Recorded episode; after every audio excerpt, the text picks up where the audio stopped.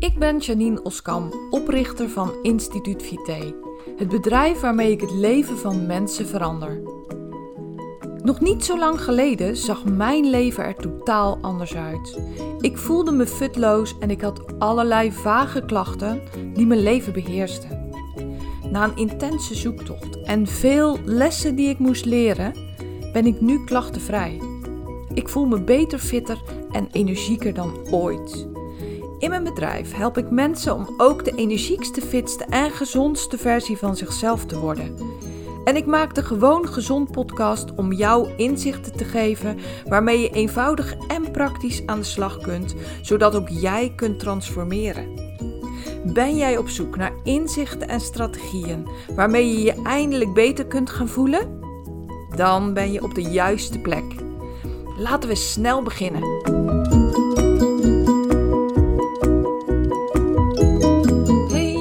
Leuk dat je luistert naar deze nieuwe aflevering van de Gewoon Gezond podcast.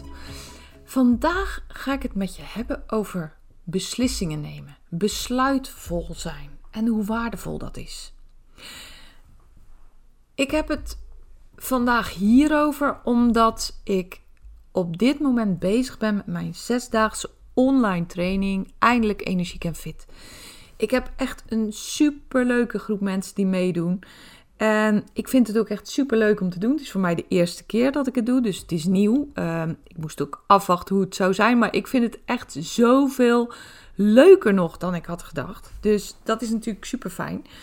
Maar ik merk ook dat besluiten nemen voor mensen best wel pittig is. En pittiger dan ze zich vaak realiseren. Pittiger dan je misschien zelfs zelf denkt. Ik ga je even een, een vraag stellen. Beschouw jij jezelf als besluitvol of ben je een twijfelaar? Neem jij beslissingen snel en makkelijk? Of vind je het moeilijk en doe je vaak lang over? Nou weet je, als je het moeilijk vindt om deze vraag te beantwoorden, ja, dan weet ik het antwoord wel. En jij bent niet alleen. Heel veel mensen vinden het moeilijk om besluiten te nemen. En ik kan me dat minder goed voorstellen, omdat ik zelf altijd heel besluitvol ben geweest. Dat heb ik ook pas later ontdekt hoor, dat dat zo is. Want kijk, als je van jongs af aan zo bent, dan denk je ook dat dat gewoon normaal is. En ik neem al vanaf mijn echt jonge jaren best forse besluiten. En ehm, ja, dus ben ik het zo gewend en doe ik het zo. Maar heel veel mensen vinden het dus moeilijk om besluiten te nemen. En ja, misschien denk je wel leuk voor jou, maar uh, ja, ik ben zo niet. En toch is het belangrijk en krachtig om besluiten te kunnen nemen, om goed besluiten te kunnen nemen, omdat besluiten nemen eigenlijk hetzelfde is, een soort synoniem voor doen. Als je altijd maar zit te wikken en te wegen en geen echt besluit kunt nemen, dan betekent het dat je heel vaak niet dingen gaat doen, maar in de twijfelmodus blijft staan. En ik wil het er vandaag dus met je over hebben hoe belangrijk het is om echt besluitvol te zijn, krachtige besluiten te nemen en dat het ook helemaal niet erg is als je soms op een besluit moet terugkomen. Nee, sterker nog, je hebt geen goede en slechte besluiten. Je hebt geen goede en slechte beslissingen. Zo denk ik erover. Een beslissing is eigenlijk alleen maar een nieuwe afslag die maakt dat je een bepaalde richting op gaat. En ehm, als je op deze manier ernaar kijkt, dat heb ik al van mensen gehoord die ik daar ook over heb verteld. Hè? Want mensen die ik help, heb ik natuurlijk ook vaak over dit soort dingen. En die zeggen dan: Oh wauw, wat een verfrissende blik geeft dat. Op het moment dat ik denk: een beslissing is niet goed of slecht. Want heel vaak. Ja, dat, het heeft ook te maken met emoties, spijt en uh, boosheid en teleurstelling en dat soort dingen. Maar als je niet naar een besluit kijkt alsof het een slecht besluit is, maar gewoon een besluit, zonder goed of slecht eraan te hangen, dan geeft dat een heleboel verlichting. Dan kijk je er op een hele andere manier naar. En dat is ook hoe ik er eigenlijk altijd al naar heb gekeken. En hoe ik er nog steeds naar kijk. Je kunt geen goede en slechte beslissingen nemen. Het zijn gewoon beslissingen. En als een besluit leidt naar het gewenste resultaat, dan ga je ermee door. Maar als dat niet zo is, dan maak je een nieuw besluit en ga je een andere richting op. Veroordeel niet de besluiten die je eerder hebt genomen, maak jezelf niet druk, neem gewoon een nieuw besluit en ga verder. Door het op deze manier te doen, heeft, ja, dat, dat heeft mij gebracht voor waar ik nu ben. Weet je, je kunt altijd oordelen. Maar achteruit kijken heeft geen zin in die zin. Dat heeft natuurlijk wel zin om ervan te leren. Maar achteruit kijken heeft geen zin om teleurgesteld, boos um, of, of verdrietig te zijn. En natuurlijk zijn we dat allemaal wel eens. Hè? Luister goed, ik ben ook wel eens teleurgesteld. Ik ben ook wel eens boos, ook wel eens verdrietig. Ik heb ook wel eens besluiten waar ik later van heb gedacht, ah, dat had ik beter niet kunnen doen. Natuurlijk. Maar over het algemeen kijk ik niet zo naar beslissingen. Kijk ik ernaar van, hé, hey, dat heb ik toen zo besloten met de kennis en wetenschap die ik op dat moment had. Ik denk er nu anders over. Het blijkt anders te zijn. Het blijkt niet uit te werken zoals ik had gedacht en gehoopt. Dus neem ik een nieuw besluit. Heel makkelijk. En ik noem het dan geen slechte beslissing. Dat doe ik niet, want voordat ik het besluit nam, had ik niet de wetenschap en de kennis die ik nu heb. Die wetenschap en de kennis die ik nu heb, die gebruik ik dus om een nieuw besluit te nemen. Maar die had ik toen niet. Dus ik had het ook niet kunnen weten. En ik had ook eenvoudigweg niet een ander besluit kunnen nemen. Op het moment dat je begrijpt wat ik hiermee bedoel, zal je dat ook heel veel anders doen kijken naar de besluiten die je in het verleden hebt genomen. Want is het gewoon niet de waarheid dat je voor iets wat je nu kwalificeert als een slechte beslissing, op dat moment dat je die beslissing nam, niet beter wist dan dat dat het goede besluit was? Ik noem even een voorbeeld over een studie. Ik, heb, ik ben ooit zelf gestopt met een studie. Ik heb um, mijn studie ben ik gestopt. En ja, ik kan nu zeggen, oh, wat erg. En had ik dat maar niet gedaan, had ik dat maar niet gekozen. Maar ik heb toen gekozen. Ik was 18 jaar, diploma VWO op zak. Ik stond op een kruispunt, werkelijk. Ik had de keuze uit twee studies. Heb gekozen voor het één. Ik, ik twijfelde tussen geneeskunde en mijnbouwkunde. Nogal heel verschillend, hè?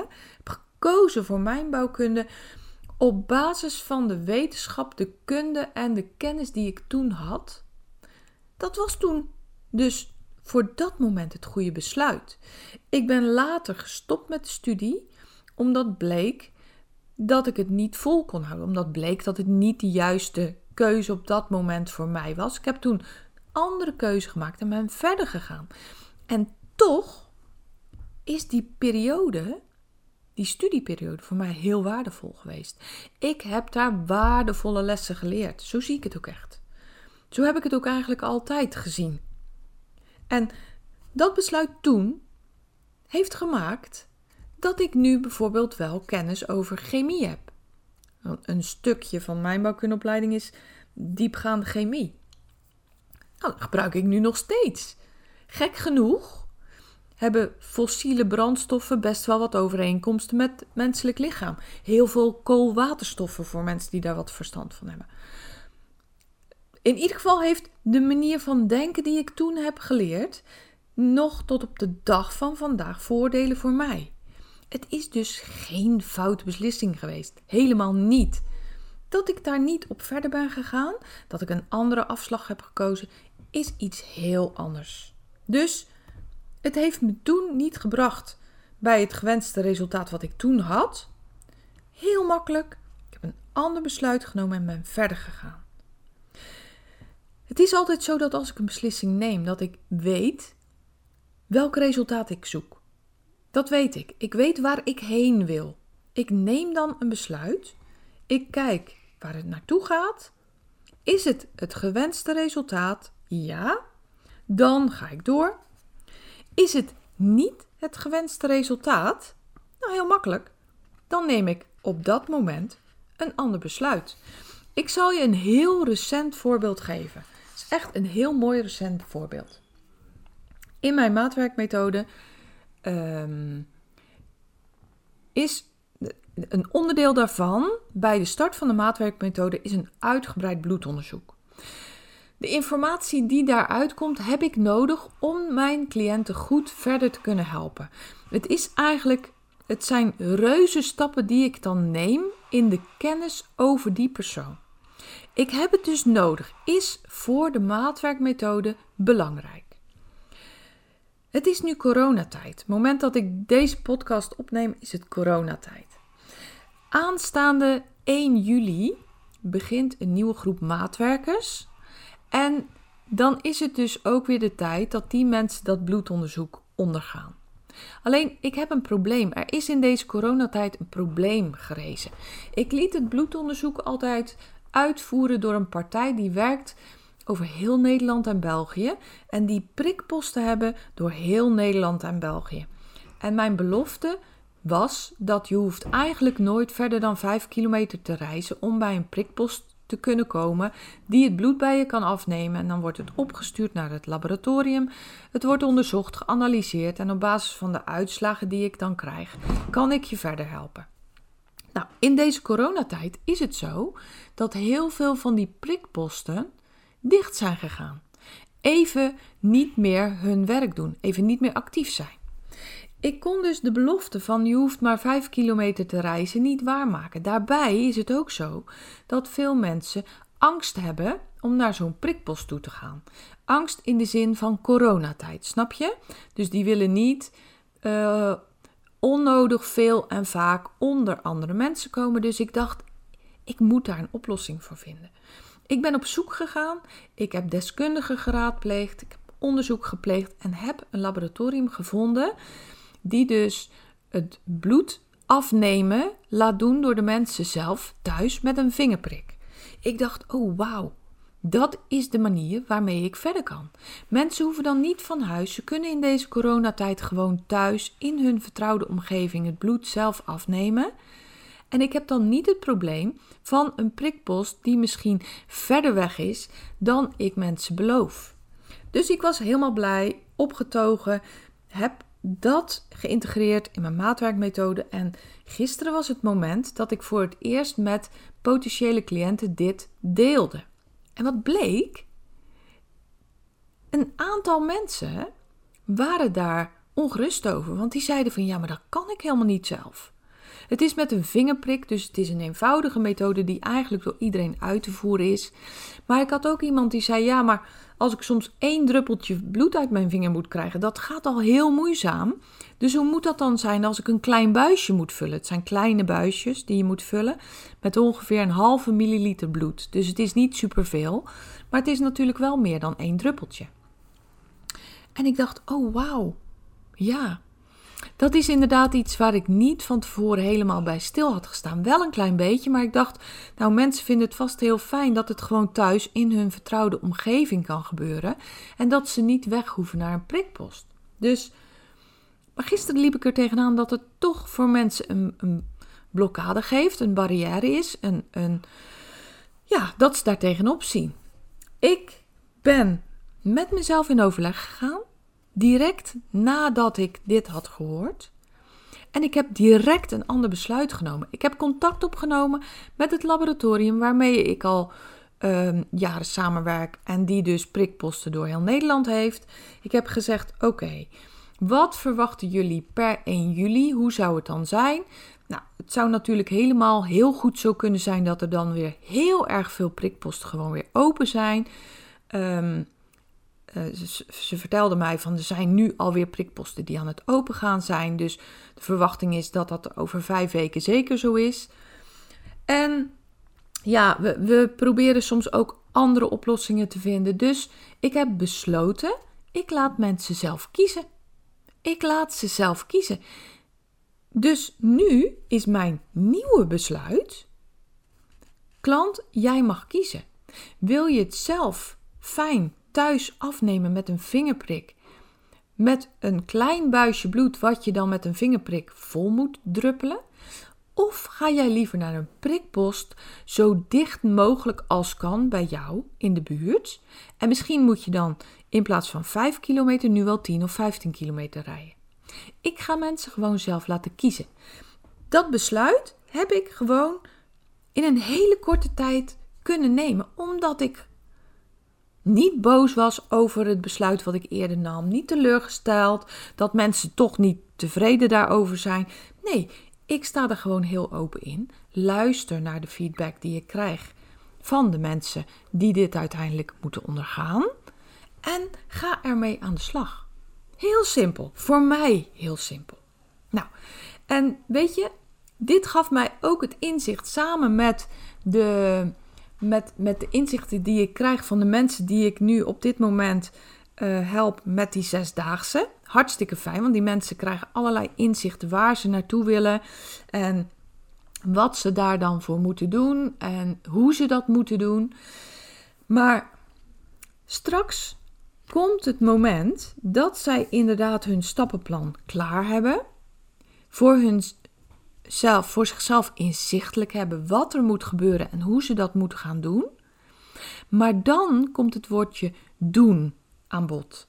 En dan moeten ze echt de stappen gaan zetten die nodig zijn om daar te komen waar ze graag willen komen. Dus ik heb gedacht, ik ga een podcast opnemen met een heel mini-mini stappenplannetje hoe je nu snel besluiten kunt nemen. Snel goede besluiten kunt nemen, maar besluitvaardiger kunt worden.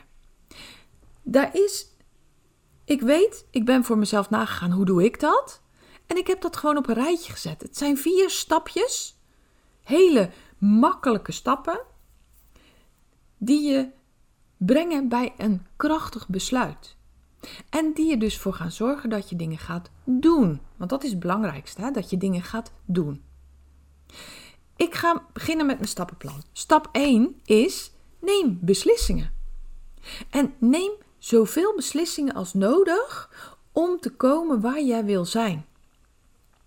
Stop met twijfelen, stop met wikken en wegen, stop met voor en tegen, stop met voor en nadelen. Stop daarmee en neem een besluit. Doe het gewoon. Doe het gewoon, want van daaruit kan je altijd weer verder. Op het moment dat je ook weet dat een beslissing niet goed of fout is, kan je ook veel makkelijker een nieuwe beslissing nemen. En dat is echt zo. Dus doe dat ook. Stap 2 is: doe het nodig onderzoek en niet meer dan dat. Je kunt natuurlijk superveel informatie tegenwoordig verzamelen op internet. En misschien herken je het, maar je kunt daarbij ook in verwarring raken. Als ik weer terugga naar mijn besluit over dat bloedonderzoek. Er zijn natuurlijk heel veel mogelijkheden eigenlijk om dit te doen. Ik had zelfs kunnen besluiten om het bloedonderzoek weg te laten. Maar dat doe ik niet, want ik weet dat dat nodig is om sterke, snelle stappen te kunnen zetten met de kennis over het lichaam van degene die ik help. Als je dat niet doet, dan kan je ook honderd andere stappen daarvoor in de plaats zetten. Maar dit is een krachtige tool om mensen snel verder te helpen. Dus dat moet. En het was de vraag: hoe ga ik dat dan doen? Nou, ik ben, ik heb me erin verdiept, echt een dag voor genomen om me daarin te verdiepen, om de kennis op te doen die nodig was en heb toen een besluit genomen. Want dan kom ik ook direct bij stap 3. Wat ik ook heb gedaan, is ik heb externe deskundigen gevraagd om mij te helpen. En stap 3 is wees voorzichtig met externe input. En ik ga je uitleggen wat ik daarmee bedoel. Want Um, we zijn wel eens geneigd om advies te vragen en meningen te vragen aan mensen die helemaal niet deskundig zijn op dat gebied. Die helemaal niet weten wat het beste is, die niet objectief zijn. Ik ga je daar een voorbeeld van geven. Een mooi voorbeeld wat ik heb met iemand die ik help. En uh, zij was gestart met de maatwerkmethode. Zij had uh, een krachtig besluit genomen om te starten. En um, wat bleek? Zij was gestart en de, het bleek zo te zijn dat zij intolerant was voor kippenei, koemelk en gluten. Nou, dat is nogal wat. Dat is nogal wat om dat uit je dieet te schrappen. om dat in één keer niet meer te kunnen eten. Tijdelijk, hè? want dat is tijdelijk. En zij besprak dat met haar gezin en die ging in één keer een heleboel bezwaren opgooien. Ja, maar oh, en dat is onhandig en stop ermee, mam. Het waren haar man en kinderen. En uh, dit is toch niet te doen? En uh, nou, wat moet je dan allemaal wel niet voor doen? En nou, heel ingewikkeld, moeilijk, enzovoorts, enzovoorts. Ze belde me op in tranen en zei: Janine, ik kan hier niet mee doorgaan. Ik zie het niet meer zitten. En ik ben met haar gaan zitten en ik heb haar gevraagd hoe het kwam. Toen vertelde ze mij dat haar gezin zo had gereageerd. Ik zeg: Ja, maar dan vind ik het ook niet gek. Want jij stelt zoveel belang in hun mening en ze nemen jou mee in hun emoties.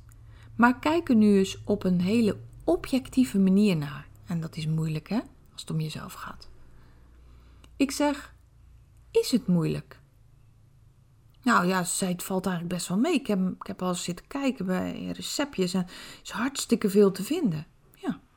Ik zeg: Zou het zo kunnen zijn dat jouw gezinsleden eigenlijk bang zijn dat jij verandert?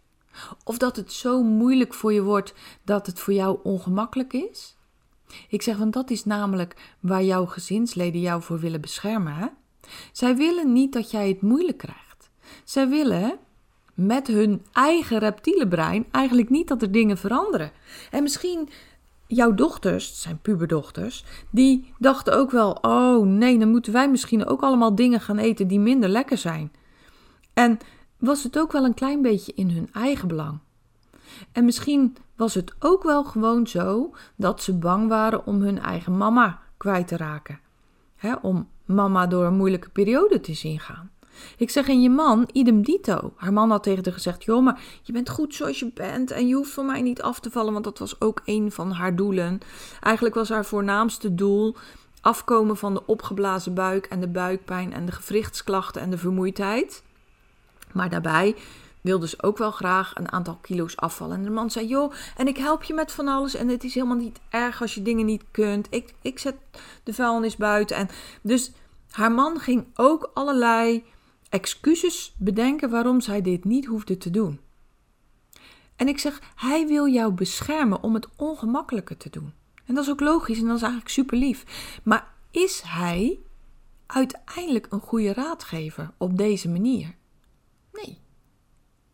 Want hij wil op korte termijn wat het beste is voor jou, maar op lange termijn is dit niet het beste voor jou. Zij heeft op basis van dat gesprek toch doorgezet en een paar weken later sprak ik haar weer en ze zei: Oh Janine, ik ben zo blij dat ik dit heb doorgezet, want ik voel me nu zoveel beter. En raad eens, mijn dochters die zijn zelfs met mij recept aan het zoeken om de dingen te kunnen maken zonder kippenei, zonder gluten, zonder koemelk. Nou, hoe fantastisch is dat? Dus doordat zij sterk was geweest in haar besluit vol te houden, is haar gezin gaan inzien dat dit beter is. Dat dit beter is vooral voor haar, voor hun moeder en vrouw, maar ook voor hun. Want ze zegt: Ik heb meer energie, ik heb minder pijn, ik ben een leukere mama, ik ben een leukere vrouw. Dus ze zijn er uiteindelijk veel beter mee af. En dat hebben ze na een tijdje ingezien. Dus externe adviezen zijn niet altijd de juiste raadgever als, het niet, als zij niet deskundig zijn. En als ze niet objectief kunnen kijken. Dus dat is stap 3. Vraag alleen advies van deskundige externen. Stap 4 is: neem uiteindelijk de beslissing zelf. Want jij bent al degene die echt kan beslissen. Laat een ander niet voor jou beslissen, want dat maakt dat besluit minder krachtig. Jij moet beslissen of je iets gaat doen. Want doen is een werkwoord, letterlijk een werkwoord. Je zal er ook veel voor moeten doen. Dus neem het besluit zelf. En doe dat als volgt. Ik adviseer je om dat als volgt te doen, omdat mij dat heel veel oplevert. Neem de tijd en de ruimte om de beslissing te nemen en doe dat door te gaan zitten op een rustige plaats in de wetenschap dat je even niets anders hoeft te doen dan hierover nadenken. Neem een boek en een pen, een opschrijfboek en een pen. En ga voor jezelf opschrijven wat je doel is, waar je heen wil. En schrijf dan ook op waarom je daarheen wil. Schrijf de why op. Schrijf op waar je bang voor bent. Schrijf op waar je tegenop ziet. Wat je belemmerende overtuigingen zijn. Wat je eigenlijk tegenhoudt om dit te gaan doen. Schrijf vervolgens op wat er nodig is om het te bereiken. Met je huidige kennis en kunde. En schrijf ook op hoe je dat kan gaan bereiken. Als je dat hebt gedaan, is het voor jou al een stuk helderder wat er nodig is om jouw doel te bereiken. Dat is ook wat ik precies deze week in de zesdaagse doe met de mensen die hier aan meedoen. Een super mooi proces. En dit is het in een notendop. Als je het dan voor je ziet, neem de beslissing. Ga iets doen. Neem de eerste stap die nodig is om te komen waar jij uiteindelijk wil zijn. En onthoud dat een beslissing altijd weer kan veranderen. Echt het geheim van wie ik nu ben, is het nemen van beslissingen. En ik heb dat opschrijven geleerd van mijn coach Eelco de Boer.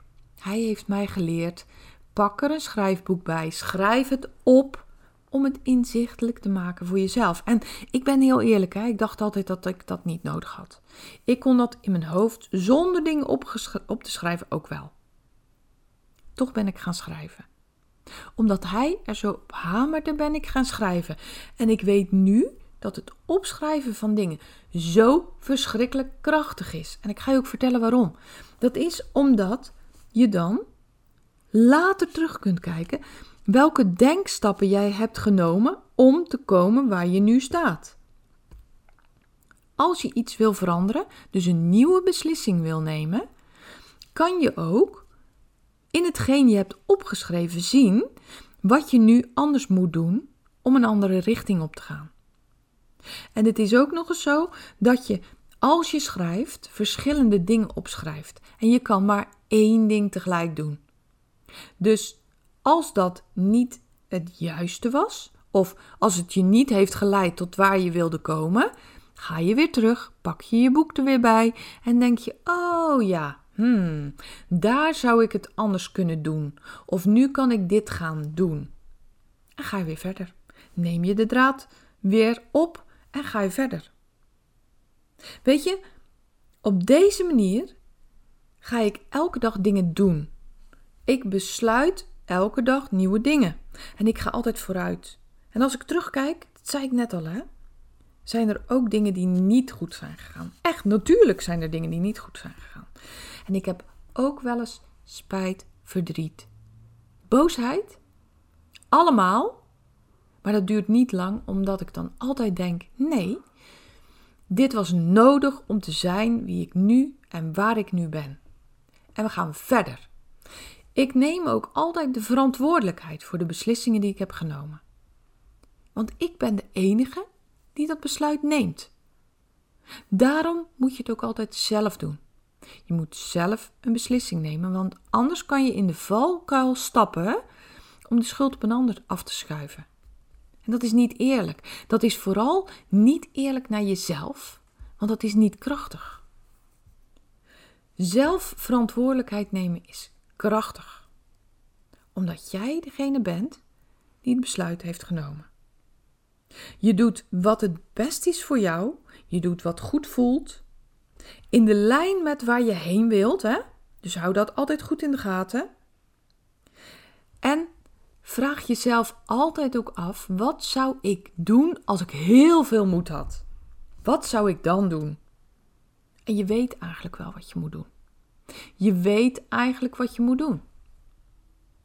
Op het moment dat jij ondeskundige mensen, en dat zijn ook de mensen die je lief hebt, gaat vragen om advies en raad, dan is het heel vaak zo dat je alleen maar in verwarring wordt gebracht. En natuurlijk moet je voor grote besluiten overleggen met je partner. Maar overleggen kan ook zijn: ik heb dat besloten.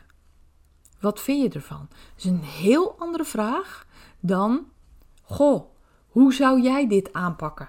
Want dan voelt diegene zich geroepen om voor jou een oplossing te gaan bedenken. En eigenlijk heb jij zelf al een idee. Wees krachtig in het maken van beslissingen. Dat is de raad die ik je dolgraag wil nemen. Ik ga nog heel even snel het stappenplannetje met je door. Stap 1. Ga gewoon besluiten nemen. Ga het gewoon doen. Begin vandaag met besluiten nemen. Besluit dat je vandaag besluiten gaat nemen. Stap 2. Doe het onderzoek wat nodig is en meer niet. Want als je te veel gaat speuren op internet of wat dan ook, raak je verward. Wees voorzichtig met externe input. Vraag raad aan deskundigen en niet aan te veel mensen in je naaste omgeving die het allerbeste met jou voor hebben, maar niet deskundig zijn. Omdat die niet objectief kunnen oordelen. Als jij nu zwart kroeshaar hebt en je wil sluik lang blond haar, dan kan je het aller, allerbeste gaan naar een goede kapper en die om raad vragen. Vraag het niet aan je moeder, want die zal heel waarschijnlijk jouw prachtige jouw prachtige bos met haar willen houden zoals die is. Want jouw moeder kent jou al zo heel jouw leven. Zij vindt het echt super eng als jij nu helemaal anders gaat worden. Maar misschien is dat wel het beste voor jou. Dus laat niet iemand die heel erg emotioneel betrokken is, daarover beslissen of daarover meebeslissen. Want als jij al weet dat dat jouw allergrootste verlangen is, dat dat goed voor jou is, doe dat dan. Ander voorbeeld wat ik net gaf. Wil jij 20 kilo afvallen, maar weet je, want dat weet je, dat dat echt niet een hele makkelijke weg zou worden? Vraag dan niet per se raad aan je beste vrienden. Want die gaan waarschijnlijk tegen jou zeggen: Joh, maar je bent goed genoeg zoals je nu bent. En we vinden je mooi en je bent prachtig. En die gaan je misschien wel tegenhouden om dat te kunnen bereiken wat jij heel graag wil. En dat is nou net wat, je niet nodig hebt. Dus geen adviezen van een externe partij. Of wel, maar van deskundigen. En stap 4. Neem zelf uiteindelijk de beslissing. Hak die knoop door. Kort en krachtig. Ga en weet dat je beslissing altijd weer kan veranderen. Want er zijn namelijk geen slechte en geen goede beslissingen. Je hebt beslissingen, maar niet goed en slecht. Het is altijd goed wat je nu doet. En weet dat je een andere afslag kunt nemen. Dat is het allerbelangrijkste. Ik wilde dit vandaag dolgraag met je delen, omdat ik mensen daar nu ook zo mee bezig zie. En omdat ik me dus bedacht gisteren, terwijl ik dat besluit nam van dat bloedonderzoek, dat ik dacht, ja, zo doe ik dat eigenlijk altijd. En dat werkt voor mij goed. En ik zie ook dat het voor anderen goed helpt. Dat het voor anderen goed werkt. Dus mijn advies voor jou vandaag: ga doen. Kom in de actiemodus en ga doen. Doe wat nodig is. Zet in ieder geval de eerste stap, hoe klein ook. Ik wil je bedanken voor het luisteren. Ik vond het heel fijn dat je weer erbij was. Ik wens je een hele mooie, fijne dag. En heel graag tot een volgende keer.